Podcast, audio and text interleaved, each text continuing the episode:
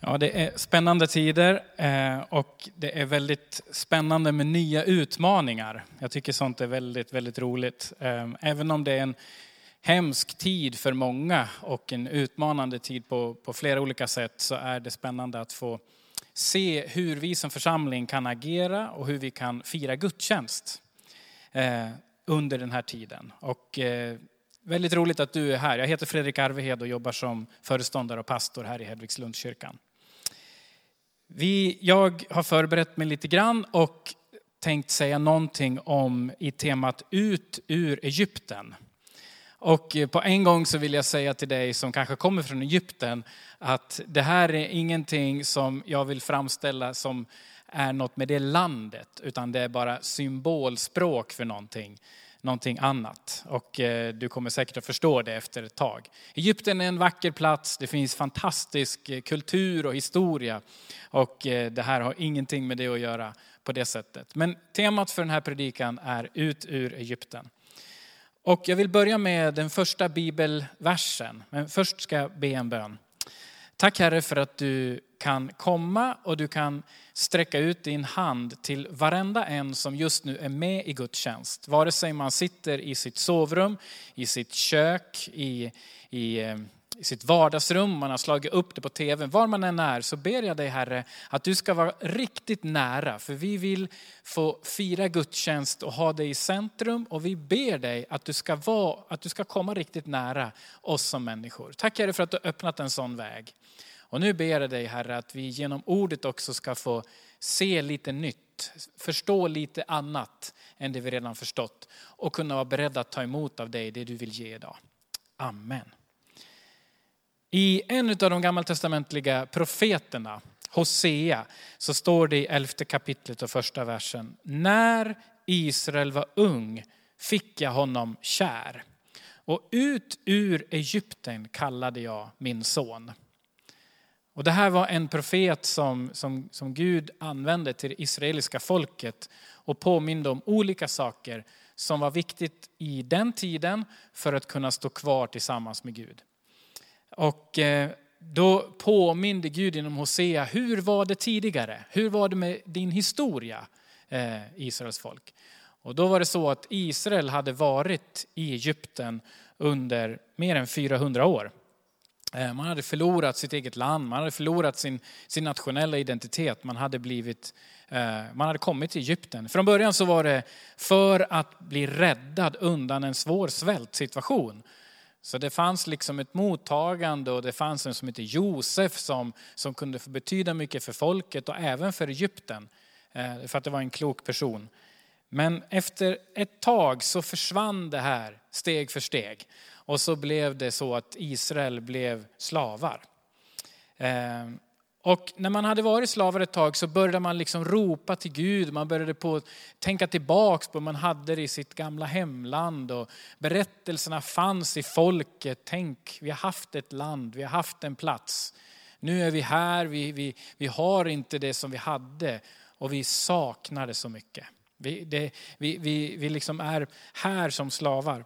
Och då blev det så att några blev ledare. Det var en lång historia kring detta. Men Mose och Aron, han fick, de fick möjlighet att komma fram inför farao. Och I andra Mosebok, femte kapitlet, så står det hur de liksom klev fram eh, till farao. Eh, och det står så här från första versen i femte kapitlet. Därefter gick Mose och Aron till farao och sa, så säger Herren, Israels Gud, släpp mitt folk så att de kan hålla högtid åt mig i öknen. De blev liksom representanter för folket. De kom till far och sa, nu måste vårt folk få, få liksom gå undan och fira gudstjänst. Och det är precis det vi gör nu, vi firar gudstjänst. Det har man gjort som Guds folk sedan de här dagarna. Man, man liksom kommer ifrån vardag en stund, man kommer ifrån Eh, stressen förhoppningsvis, det är i alla fall tänkt så. Och en gång i veckan så kan man få samlas. Nu kan vi inte samlas många här. Men vi kan via de webbtjänster som vi har nu, som vi, som vi, så kan vi sjunga tillsammans till Gud. Vi kan be för varandra, vi kan uppmuntra varandra, vi kan normalt sett ha fysisk gemenskap så vi fikar tillsammans. Eh, men nu kan vi ha annan uppmuntran. Och, och på det här sättet så kan vi liksom bryta vardagsrutinen och ha gudstjänst och komma ihåg att Gud har gjort någonting för oss. Och förhoppningsvis blir vi påfyllda. Jag kan ofta känna mig väldigt påfylld efter en söndag och uppmuntrad. Eh, sen vet jag att vi inte stilmässigt och formmässigt kan möta allas personliga längtan. Eh, jag kommer ihåg att när jag var liten så var det en kompis som hörde en predikant som sa att himlen, det är som en riktigt lång gudstjänst. Och efter det så ville min kompis inte längre till himlen. Eh, och det är klart att det är inte alltid vi kan möta det här så att det liksom känns lika spännande och lika relevant för alla åldrar i alla tider och alla stilar. Men vi försöker att liksom göra så gott vi kan och vi vet att vi, vi, vi försöker fokusera på, på Gud och vi försöker sjunga tillsammans och göra det så gott vi kan. Eh, så kan det vara ibland. Just den här dagen nu då, så är gudstjänsten annorlunda som du vet. Men för det israeliska folket så var det ju inte bara vardagsstress. Det var ju inte bara liksom att skjutsa till träningar och tuffa deadlines på jobbet eller, eller, eller annat som var svårt i deras vardag och som de fick liksom komma tillsammans och fira gudstjänst till. Utan det var som jag nyss sa, rent slaveri. Man kan se att eh, de troligen fick tvångsarbeta. De fick tillverka lertegel, det byggdes flera förrådsstäder står det. Och, det israeliska folket som var främlingar i landet blev inte behandlade lika väl som egyptierna. Utan de fick göra eh, dagsverken som en slags skatt kan vi tänka oss att det var. Och det här är lite intressant därför att man kan ju tänka sig, det var då. Slaveri finns inte längre. Och jag önskar verkligen att det var så. Men man har börjat titta lite mer på det moderna slaveriet. Och faktiskt så, så, kan man se att över 40 miljoner människor även idag är slavar. Eh, det innebär att man, man inte är fri att göra ett arbete, få betalning och kunna göra så att man byter jobb. Utan det kan vara till exempel att man har hamnat i skuld. Man kanske har gått igenom en operation, en, en eh, medicinsk undersökning, någonting som kostat allt för mycket. Och så kanske man har fått ett lån av en arbetsgivare och så blir det en avbetalning resten av livet för den egna familjen och för barnen. Det är nästan fem miljoner som är i sådana här situationer idag i den sexuella industrin. Eh, bland de som är slavar idag så är omkring 71 procent kvinnor och faktiskt 25 procent barn. Och de då kommer ihåg så sa jag att det var ungefär 40 miljoner runt om i jorden som är slavar, som är bundna, som är ägda av någon. Och tar du 25 procent så blir det alltså 10 miljoner. 10 miljoner barn idag är inte fria överhuvudtaget. Och det här är ganska chockerande. Man, man beräknar också att slavindustrin i världen omsätter omkring 150 miljarder US-dollar. Så det här är någonting stort och någonting fruktansvärt. Vi kan tänka oss att det är avskaffat för länge sedan, men det finns kvar. Vi själva som församling har varit med på ett hörn och får se tegelbruksslavar bli befriade i Pakistan. Eh, genom de missionärer som vi stöttar där, som har haft det som ett, som ett uppdrag. Josef och Maria Sjöberg. Och det känns väldigt gott att veta om att det här är någonting man börjar upptäcka, någonting som man kan göra någonting åt. Och vi vill som församling också finnas med på något hörn här och där. Att se eh, att människor ska in. En slav är en slav för mycket. Så är det. Det israeliska folket, som sagt, de började längta efter frihet. De började längta efter att komma bort ifrån den här eh, flyktingsituationen. De hade visserligen bott där i generation efter generation, men de var inte assimilerade i landet. De var fortfarande betraktade som flyktingar, som främlingar. Och de, de levde där på ett miserabelt sätt. Och kanske finns du med och känner igen det här. Men jag vill ställa en fråga så här, längtar du efter frihet? Finns det en längtan för dig. Och då tänker du, men jag är ju såklart inte slav på det sättet. Jag har ett jobb, jag har en, en bostad, jag har det bra på alla sätt och vis. Och det finns ju olika slaveri, olika saker som, som vi kan sitta fast i. Det behöver inte vara att du bor i Egypten och är främling där, utan det kan vara helt andra saker. Och Bibeln beskriver det här som någonting som har med det inre livet i dig. Är du fri i ditt inre liv? Är det liksom, finns det en, en, frihets, en frihet i dig där du kan känna att du är verkligt fri? Och det här sortens slaveri kan ju se olika ut. En del har det väldigt grafiskt, väldigt tydligt. Det kan vara att man har eh, man, man, kan ha olika behov, man kan ha olika missbruk. Eh, man kan, ha, man kan sitta fast i våld, övergrepp, alkoholism, droger. Det kan finnas liksom väldigt sån tydlig slaveri. Eh, du behöver inte åka någonstans, du behöver definitivt inte åka till Egypten. Du kan bo här i Gävle eller finnas här i Sverige och liksom verkligen du kan känna dig totalt förslavad under de här sakerna. Och det kan vara så tufft och svårt att bryta med det här. Så att även när du försökt så ser det ut som att det blir bara värre. Och det finns en intressant parallell, därför att när Mose och Aron, Aron klevde fram till farao och sa släpp vårt folk fri. Vet ni vad svaret blev? Gör mer tegel. Det blev bara tuffare tag. Eh, farao han bestämde bara, de ska fortsätta göra det, de är lata de här. Det är klart vi inte ska släppa de här. Vi behöver teglet. Men låt dem nu fixa halmen själv. Det blev svaret. Det blev bara tuffare tag och, och slaveriet liksom blev hårdare. Kedjorna, bildligt talat, blev liksom starkare och folket satt fast mer än någonsin. Och så kan det vara när man försöker bryta med någonting som man upplever man sitter fast i. Man försöker allt man kan i egen kraft, hitta metoder och hitta, och, och, och det liksom bara, det går inte. Det känns som att det blir tuffare och större och svårare för varje försök man gör. Men så kan det ju vara så att du inte alls känner igen dig i de här yttre kraftfulla grafiska slaverierna som, som jag nyss nämnde om. Utan det kan vara andra saker som håller dig tillbaks. Som du upplever att du inte är fri i. Vad är egentligen meningen med mitt liv? Är det att äta, sova, dö, jobba, sova, äta, dö. Är det, va, va, va, liksom det, det kan komma sådana funderingar i livet. Vad är det jag egentligen är här för? Är det det jag ser? Finns det mer? Eller kanske är det just nu så att otryggheten i den pandemi vi står i har liksom slagit till i dig med full kraft. Det är som klor som liksom sticker in i din själ och liksom kramar ur livsaften ur dig. Du vet inte om du kan gå ut, du vet inte om du, kan, om du ska handsprita ratten i bilen och carporten och allting för att liksom skydda dig. Och du måste liksom uppdatera dig med varje ny rapport som kommer på tv eller på webben. Och, och, och du liksom är helt förlamad. Det kan bli så i sådana här tider. För en del kan det bli att det, det, är svårt. Och du kan sitta och vara med här och du är med i riskgruppen och vet att det finns en ökad risk.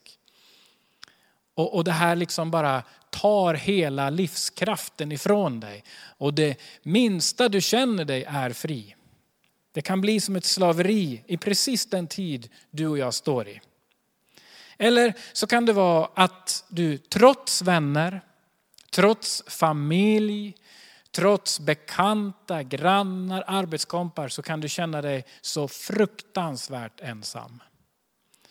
Det kan hända i livet att du känner att det finns ingen på denna jord som du verkligen kan berätta hur du har det. Du håller upp en fasad, du, du är tacksam för de bekanta du har, du är glad för dem, den familj du har. Men där inne där innanför så finns det liksom en stort frågetecken. Finns det någon som överhuvudtaget bryr sig? Och vi är ganska bra på att döva de här, det här tomhetens tyranni. Tomhetens förtryck. Vi kan döva det med, med Netflix, vi kan döva det med träning, disciplinerad träning varje dag. Vi kan, vi kan liksom hitta på olika förströelser som gör att det här dämpas och känns uthärdligt. Men det, det liksom kommer tillbaks. Men nu vill jag läsa ett bibelord som, som jag tycker är, det är ett av mina absoluta favoritcitat ifrån Bibeln. Och det är från Matteus 11 och 28. Och det är Jesus själv som säger så här. Kom till mig, alla ni som arbetar och är tyngda av bördor, så ska jag ge er vila. Ta på er mitt ok och lär av mig, för jag är mild och ödmjuk i hjärtat. Då ska ni finna ro för era själar. För mitt ok är milt och min börda är lätt. Och jag tycker så mycket om det här bibelstället som Jesus säger. Därför att det är så långt ifrån de quick fix som vi kan få tips om här och där. Det kan komma braskande rubriker. Bananbanta, eh, bort 25 kilo på tre dagar. Och så en bild på någon trådspal person som liksom aldrig någonsin ätit banan. Men liksom, man har ändå hittat på någonting nytt. Och så lägger man bara över ansvaret för den liksom egna lyckan på dig och mig, att vi ska fixa någonting. Men Jesus han ger inga hurtfriska råd. Han ger inga quick fix lösningar. Han pekar faktiskt inte överhuvudtaget på vad du ska göra, utan han säger kom till mig. Han vänder, han vänder på hela, och det här tycker jag är så fantastiskt med att tro på Jesus. Därför att det handlar, om, det handlar inte om mig och vad jag ska hitta i mitt liv. Vad jag ska komma på, vad jag ska förstå, vad jag ska räkna ut och hur jag ska träna. Utan det handlar om att gå till honom som säger kom till mig. Och så säger han i den här versen, därför att arbetar som står, kom till mig alla ni som arbetar. Det kan man översätta med är utmattade, själsligt trötta, sörjer och är tyngda av bördor. Bördor, vad var det? Jo, där man stapplar under lasten av pålagda bördor, stod det som förklaring. Du kan känna att det liksom, det inre livet är bara liksom tufft och hårt just nu. Men då säger Jesus, kom till mig. Och, och, han, han liksom ger, det enda löfte han ger det är att kom till mig så ska du få ett annat sätt att bära det du står i. Det är som att Jesus inte heller här säger, kom till mig så ska allt du har i ditt liv försvinna. Så säger inte Jesus. Han säger inte, om du kommer till mig så, så ska jag fixa nya 40 nya kompisar på en dag. Det är, inte, det är inte så. Utan när han lovar, kom till mig så ska jag ge dig ett annat sätt att leva ditt liv på. Ett liv som inte trycker ner dina axlar, som inte tynger dig. Därför att du går med mig. Och det är så fantastiskt att Jesus själv säger kom till mig, jag får gå till honom. Sen får han göra någonting i mig som förändrar mitt liv. Och så lovar han genom Bibeln en gemenskap med honom själv resten av livet. Och det är det som förvandlar hela situationen. Den här året så har vi som övergripande tema i Guds närhet. Och, och Israelerna de, de, var fast i Egypten, de hade över 400 år blivit liksom förslavade, de längtade, men Gud kallade dem att gå ut ur Egypten. Det är inte så lätt när man är slav att säga hej då. Eh, men Gud hade en plan och de fick möjlighet att lämna Egypten. De fick möjlighet att, att gå genom Röda havet. Man fick möjlighet att komma in i ett land som också blev deras. Ett landområde, en plats att trycka ner sina bopålar på, en plats som blev trygg. En plats där det fanns frihet och möjlighet att tillbe Gud. Och det är faktiskt en sån plats som jag upplever att Gud vill kalla dig till idag. En plats där du kan få bli fullständigt fri. En plats för frihet och där är jag övertygad om, på den platsen, att kedjor kan brytas. Även om du har grafiskt stora, alltså stora tunga missbruksproblem. Du, du har, ditt, ditt, ditt liv har varit fyllt med våld och alkohol och droger av olika slag så, så kan brytor, bry, eh, bojor brytas. Kedjorna kan få falla av. Men inte bara för dig utan även för dig som går med tomhet. Som är rädd idag. Eller dig som känner dig fruktansvärt ensam. Så är min övertygelse utifrån det jag ser i Bibeln att Gud vill möta dig på den platsen. Och vi ska strax gå in i en stund där jag kommer att be för dig. Men jag vill läsa ett bibelställe till och det är från Romarbrevet kapitel 14 och vers 7.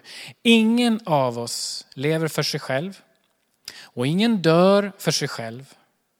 Lever vi så lever vi för Herren, dör vi så dör vi för Herren.